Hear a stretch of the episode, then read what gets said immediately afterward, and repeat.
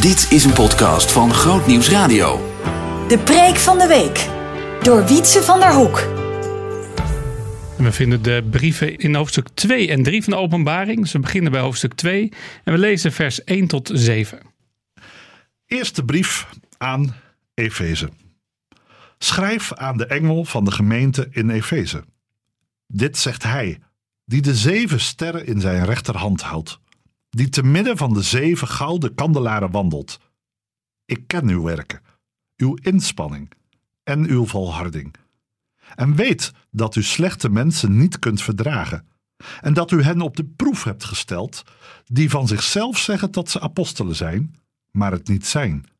En dat u hebt ontdekt dat zij leugenaars zijn. En u hebt moeilijkheden verdragen en volharding getoond. Om mijn naam hebt u zich ingespannen en bent u niet moe geworden. Maar ik heb tegen u dat u uw eerste liefde hebt verlaten. Bedenk dan van welke hoogte u bent gevallen. En bekeer u en doe de eerste werken. Maar zo niet, dan kom ik spoedig bij u en zal uw kandelaar van zijn plaats wegnemen, als u zich niet bekeert. Maar dit heb ik u voor: dat u de werken van de Nicolaïten haat, die ook ik haat. Wie oren heeft, laat hij horen wat de geest tegen de gemeenten zegt. Wie overwint, hem zal ik te eten geven van de boom des levens, die midden in het paradijs van God staat. Tot zover. We hoorden net de tekstlezing uit openbaring 2 vers 1 tot 7, de brief aan de gemeente in Efeze. En we gaan luisteren naar de verkondiging daarover. Beste luisteraars, broeders en zusters. Een stad die ik altijd nog wel eens een keer leuk vind om te bezoeken is Amsterdam. Ik denk dat velen van u er vast wel eens een keer geweest kunnen zijn. Een stad waar je heerlijk doorheen kan dwalen. Het was een tijdje geleden dat ik in Amsterdam was. En we hadden een wandeling gemaakt en wat musea bezocht. Dat we op een heel bijzonder plekje in Amsterdam kwamen aan de Looiersgracht. En aan de Looiersgracht zit een kerkelijk centrum dat heet Simon de Looier. Toepasselijke naam. Simon de Looier is een uh, evangelisatiepost van de gereformeerde gemeenten in Nederland. En die hebben daar een plekje met een kerk waar mensen koffie kunnen komen drinken. Met een kleine bijbelshop. Daar zijn een aantal vrijwilligers die mensen liefdevol ontvangen in een stad waar werkelijk van alles gebeurt. Amsterdam is onze hoofdstad, maar ook triest genoeg een stad waar heel veel gebeurt. Drugstoerisme, waar ook prostitutiecentra plaatsvinden, waar allerlei soorten en culturen door elkaar heen lopen. Een stad met aanzien. Een stad die een beetje doet denken aan Efeze, ook een havenstad. De naam van Efeze betekent ook begeerlijk. Nou, het zegt al heel genoeg, heel veel ook over de betekenis van die stad. Want zoals iedere Griekse stad in die tijd had de stad zijn eigen heiligen, zijn eigen tempels. Je zou kunnen zeggen, Efeze was misschien wel het religieus centrum van Klein-Azië. En de belangrijkste godin was Artemis, de godin van de vruchtbaarheid. Als je haar in een beeld zou tegenkomen, dan ziet ze eruit met de onderkant van een vis en de bovenkant als een vrouw met vele borsten. Je kunt je bedenken dat er in Efeze heel veel prostitutie was. Als dat de stad is die de naam draagt, begeerlijk, en de godin van de vruchtbaarheid aanbidt, met op heel veel hoeken van de straten tempeltjes en beeldjes. Toen een grote levendige stad, nu niet meer dan een ruïne. Je kunt je voorstellen dat het zoals Simon de Looier een plek als midden in Amsterdam en nog steeds is, waar mensen samenkomen, een kleine groep gelovigen te midden van heel veel zaken die, die anders zijn dan de gemiddelde christen zou bedenken. Zo was ook daar de gemeente van Efeze. Ooit gesticht door Aquila en Priscilla vanuit Korinthe. En leiders in die gemeente waren Paulus, Timotheus, maar ook de apostel Johannes. Je kunt je voorstellen dat het een pittige plek is om gemeente te zijn. De gemeente maakt dan ook veel worstelingen mee. Het is klein begonnen, occultisme, duivelbezweerders. Demetrius, de zilversmid van de Artemis-tempeltjes, zoals er ook staat. Het was een soort Simon de Looier plek, met alle vraagstukken erbij. En de grote vraag hier in deze gemeente is: hoe blijven wij zuiver in het woord, maar ook tegelijkertijd hoe blijven we vol van de liefde?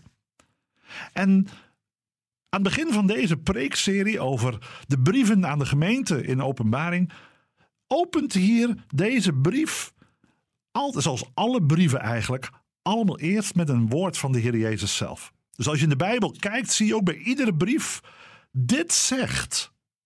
Daar opent het mee.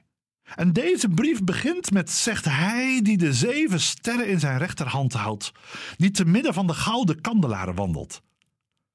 Een heel troostrijke opening voor de gemeente in Efeze. Want ik zei net, wie was de voorganger van Efeze? Dat was Johannes.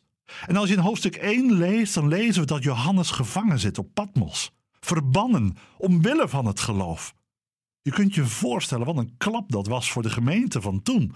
Om haar voorganger, die eigenlijk ook opziener was van alle gemeenten. Dus al de gemeenten, die zeven die in deze hoofdstuk 2 en 3 voorkomen. Johannes was een soort ja, bisschop, opziener, presbyteros. Een klap voor de gemeente nu hij gevangen zit. En waarmee troost de Heer Jezus deze gemeente, deze hoofdgemeente, deze Efeze gemeente? Jullie voorganger is weg. Maar ik hou de zeven sterren, misschien ook wel een teken van zijn heerschappij, in mijn hand, in zijn rechterhand. Hij die te midden van de zeven gouden kandelaren wandelt. De zeven gouden kandelaren verwijzen naar de zeven gemeenten. Denkbeeldig moet je zien dat iedere gemeente een, een kandelaar is. Ook zoals we zien in vers 5 dat de kandelaar weggenomen kan zijn. En weet je wat normaal was? Normaal was het Johannes die tussen de gemeenten wandelde, die als het ware van Efeze naar Smyrna ging en van Thyatira naar Sardes, zoals de andere zes gemeenten in een cirkel rondom Efeze liggen. Johannes kon het niet meer doen. En wat een troost direct aan het begin dat het hier de Jezus zegt: Ik zeg jullie, ik wandel te midden van de gouden kandelaar. Ik ben het die de gemeente opbouwt. Ik ben het die jullie volharding wil geven. Bouw niet op mensen, zoals Psalm 146 zegt, maar bouw en vertrouw op de Heere God. En zo is het Heere Jezus zelf die hier spreekt. En ook deze, deze, dit wandelen tussen de zeven gouden kandelaren, net als alle andere openingen, komen terug in hoofdstuk 1. Daar zie je ze op een rijtje staat. Al de kenmerken van de Heer Jezus, zoals ook in hoofdstuk 1, vers 16, de zeven sterren in zijn rechterhand. Een verwijzing is telkens naar hoofdstuk 1. Daar presenteert de opgestane Heer zichzelf aan de gemeente. Goed, dat is even als inleiding. De Heer Jezus, die de gemeenten draagt en vasthoudt, is hier aan het woord. En je zou kunnen zeggen: er zijn dingen die de Heer goed vindt, en er zijn de dingen die de Heer niet zo goed vindt. En de hele serie aan, aan, aan brieven aan de gemeente is een toepasselijke les voor de gemeente ook van vandaag. En daarom zo van belang dat deze, het hele boek overigens, openbaring, niet dichtgehouden wordt, maar juist geopend wordt. Want we hebben het nodig om ook te horen wat de Heer tot de gemeenten zegt. Zoals in vers 7 staat. Het wordt in een meervoud gesproken. Alle gemeenten moeten luisteren naar de brief aan Efeze. En ik denk niet de zeven, maar alle gemeenten, ook vandaag. Allereerst, ik ken uw werken in vers 2. Ik ken uw werken. Deze gemeente wordt gekenmerkt door een enorme inspanning op de leer. En achter elkaar worden een aantal kenmerken genoemd. Uw inspanning, vers 2. Uw volharding. Het weten dat u slechte mensen niet kunt verdragen. U hebt zelfs mensen op de proef gesteld. Van mensen die zeggen dat ze apostelen zijn, maar u hebt ontdekt dat ze leugenaars zijn. Wat knap van deze gemeente. Ze willen de boel zuiver houden. Ze willen een gemeente die, die dicht bij het woord blijft. Geweldig. Wat een, wat een krachtige gemeente. En vers 3 zegt zelfs: En u hebt in die strijd, in die volharding moeilijkheden verdragen, maar ook volharding getoond. Om mijn naam hebt u zich ingespannen en bent u niet moe geworden. Ik wou dat veel gemeenten dit letterlijk zouden nemen. Het zou fantastisch zijn als, als wij zo als kerk bekend mogen staan dat we vasthouden aan wat de Heer Jezus heeft opgedragen. Dat we het lijden durven aanvaarden.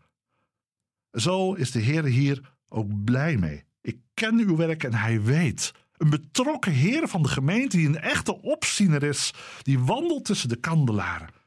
Sterker nog, later ook zegt hij ook in vers 6 nog: Ik heb op u voor dat u de werken van de Nicolaïten haat.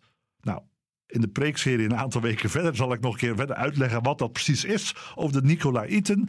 Maar even een, een kleine samenvatting: een dwaling waarin alles draait, nou, om de liefde alleen. En voor de rest hoef je niks meer te doen. Deze gemeente houdt vast aan het woord. Maar er zit ook een groot gevaar in. Want de belangrijkste boodschap is misschien niet vers 2 en 3, waar de Heer prijst om, om het geweldige vast te houden, het nou ja, duidelijkheid geven in de gemeente. Maar de gemeente heeft in die volharding, in de strijd om de gemeente zuiver te willen houden, ook iets verloren. Ik heb op u tegen, zegt vers 4, dat u uw eerste liefde hebt verlaten. U hebt verlaten, staat hier heel duidelijk in vers 4. Niet, het is niet, de liefde is niet weggeroofd. De liefde is niet weggenomen door God. U hebt uw eerste liefde verlaten. Moet een beetje denken aan, Jeremia 2, vers 2, de liefde van de bruidstijd. Het is die liefde die vol is van de Heer Jezus. Het is die liefde waar Johannes 13, vers 35 over zegt: Hierdoor zullen alle inzien dat u mijn discipelen bent. Niet doordat u aan de regels houdt, niet doordat je de kerkelijke paadjes precies volgt. Nee, zegt Johannes, als u liefde hebt onder elkaar. En dit is precies waar het mis is gegaan. Dit is een punt waar de gemeente dreigt tot scheuringen. Dit is wat we ook lezen in Handelingen 20 bijvoorbeeld, vers 29 en 30. Strijders voor de goede en zuivere leer, maar zonder de liefde. Maar er staat niet zomaar liefde, er staat eerste liefde. Die eerste liefde is niet een soort algemene verliefdheid, maar die eerste liefde is het moment dat wij tot bekering kwamen. Dat moment dat je misschien zelf, jij ook wel luisteraar, kan herinneren. Dat moment dat je ontdekte dat, dat er genade was voor jou, voor mij als zondaar. Die liefde die, die ons deed blij worden, verheugen, die ons deed stralen. Dat stukje, toen we tot geloof kwamen, ontdekten: God heeft mij werkelijk lief gehad. Dat is dat stukje wat het fundament is van ons geloof. De eerste liefde is niet zomaar liefde, maar is de liefde die we nooit mogen loslaten. Namelijk dat als wij naar elkaar kijken en iets vinden, en soms ook strijden in de leer, altijd moeten bedenken: maar u, Heer Jezus, heeft ons lief gehad. Hoe kan ik dan zonder liefde werken? Hoe kunnen wij samen gemeente zijn als we de liefde niet meer kennen? Denk aan 1 Korinthe 13, waar Paulus het ook schrijft. Al sprak ik alle talen, al, al, al had ik de geheimenissen, al sprak de talen van de engelen, had ik de liefde niet, ik ware niets. Nou, dit is een beetje wat er gaande was in Efeze. Het gebrek aan liefde bedreigt het fundament van het gemeenteleven. Dus, de, dus, dus, dus Jezus is blij met de, de, de drang, als het ware, of ook wel de, de interne motivatie om de gemeente zuiver te houden. Maar het ging niet meer met liefde. Het, het kon bijna ingewisseld worden in trots. Kijk eens naar ons, hoe geweldig goed onze gemeente is. Kijk eens hoe goed we de boel zuiver houden. Dat we mensen hebben ontdekt dat ze leugenaren waren. Maar de manier waarop zorgde ervoor dat ze zelf vergeten waren dat zij ook ooit zondaren waren. Dat ze nog steeds moeten leven uit genade. Eigenlijk zou je kunnen samenvatten in een bepaalde problematiek die ook in Johannes terug te lezen is in waarheid en liefde. Twee zinnetjes die zou ik er eigenlijk bij willen noemen. Wat als er waarheid is, maar geen liefde? En later gaan we ook nog een brief behandelen. Wat als er liefde is, maar geen waarheid? Dat is wat je bij Pergamus gaat zien. Dat is eigenlijk misschien wel een belangrijke. Wat is als er waarheid is, maar geen liefde? Dat geldt voor Efeze. De Heer Jezus zegt tegen de gemeente drie werkwoorden in vers 5. Bedenk, bekeer en doe. Vers 5 zegt: Bedenk van welke hoogte u bent gevallen en bekeer u en doe de eerste werken. Dat is hoe de Heer Jezus hier uitlegt. Hoe keren we dan weer terug? Allereerst bedenk van welke hoogte u bent gevallen. Het is weer een verwijzing, een kleine verwijzing naar Efeze. Want het heeft alles te maken met de god Artemis. Het verhaal van Artemis gaat namelijk dat zij van grote hoogte uit de hemel is gevallen. En in Efeze is neergekomen. En zo hebben ze haar op een voetstuk gezet. Dus het is ook een link, zoals we straks gaan zien en later ook in andere preken. Iedere keer een link met ook de goden van daar. Nou, hier krijgt de gemeente het ernstige verwijt. Bedenk ook u dat van welke hoogte u bent gevallen. Kortom, denk na. Bekeer je. Bekeer je weer zoals je bij die eerste liefde hebt ontdekt. En, en dat bekeren is ontdekken. Wat doet Gods liefde voor mij? Dan word je nederig en klein. Dan heb je niet de grootste mond en oordeel je niet direct. Maar ga je de eerste werken weer doen. Bedenk, bekeer en doe. Laat de kandelaar je wegen verlichten. Laat het licht en de liefde van Christus weer opnieuw door je hart stromen. En het zal de gemeente goed doen. Het is zo ernstig dat de Heer Jezus zegt in vers 5: Als die liefde niet de grondslag is van je gemeente, dan kom ik spoedig bij u en zal uw kandelaar van zijn plaats wegnemen. Als u zich niet bekeert. Als de gemeente een gemeente is zonder de liefde, dan is Jezus daar niet. Liefde en waarheid gaan hand in hand. Dat is wat de Heer Jezus tegen Efeze wil zeggen. Jullie spannen je in voor de waarheid, maar je mist de liefde. Ik denk dat als wij vandaag luisteren, dat we niet moeten vergeten dat het ook voor onze gemeente geldt. Ook wij kunnen soms in eenzelfde context als Efeze terechtkomen in een, in een fase dat we alleen maar aan het bewaken zijn. Aan het controleren zijn. Bang zijn dat onze gemeente wordt overgeleverd aan de grillen van deze tijd. Dat we angstig worden voor dwalingen in de gemeente. En dat is soms terecht, die angst. Maar de Heer Jezus zegt: Ik ben het die wandelt tussen de gouden kandelaren. Jullie moeten mijn opdracht blijven volharden. Wandel in de liefde. En als de liefde bij jullie is, dan is ook de waarheid bij je want dan ben ik bij jullie. Mijn kandelaar is mijn licht. En mijn licht is mijn liefde. En mijn liefde is mijn waarheid. En zo spreekt de Heer Jezus bijna tuchtigend tot de gemeente van Efeze. Want hij heeft ze lief. Dat is duidelijk. Hij verwerpt ze niet, maar hij tuchtte ze in de liefde. Zoals wij onze kinderen wel eens tuchtigen. Niet omdat we ze haten, maar omdat we ze graag op de goede weg willen zetten. Wie oren heeft, laat hij horen niet wat zomaar gezegd, maar wat de geest tegen de gemeente zegt. En wie overwint, hem zal ik te eten geven van de boom des levens, die midden in het paradijs staat. Vers 1 verwijst altijd naar hoofdstuk 1. Het laatste vers verwijst telkens naar openbaring 19, 20, 21 en 22. De belofte die waarheid wordt. En zo horen deze brieven duidelijk ook bij de openbaringbrief. En moeten we luisteren en waakzaam zijn naar al deze boodschappen. En vandaag ook. Blijf volharden in de liefde. Pas op dat je je eerste liefde niet hebt verlaten. En dat is de waakzaamheid die we allemaal moeten vasthouden. Het is zo makkelijk om harde werkers voor de kerk te worden. Maar de vraag is niet of wij harde werkers van de kerk willen worden. De vraag is of wij de liefhebbers van Jezus willen blijven. Zijn liefde uiteindelijk voorop staat. Dat we eigenlijk ook weten wat Hij voor ons gedaan hebben. Want de liefhebbers van God overleven langer dan de werkers van God. Want Hij heeft het werk gedaan voor ons aan het kruis van Golgotha. Hij houdt de zeven sterren in zijn rechterhand. Hij wandelt ook vandaag, misschien wel tussen de tienduizenden kandelaren van de gemeenten hier op aarde. Wat een troost in alle tegenslag.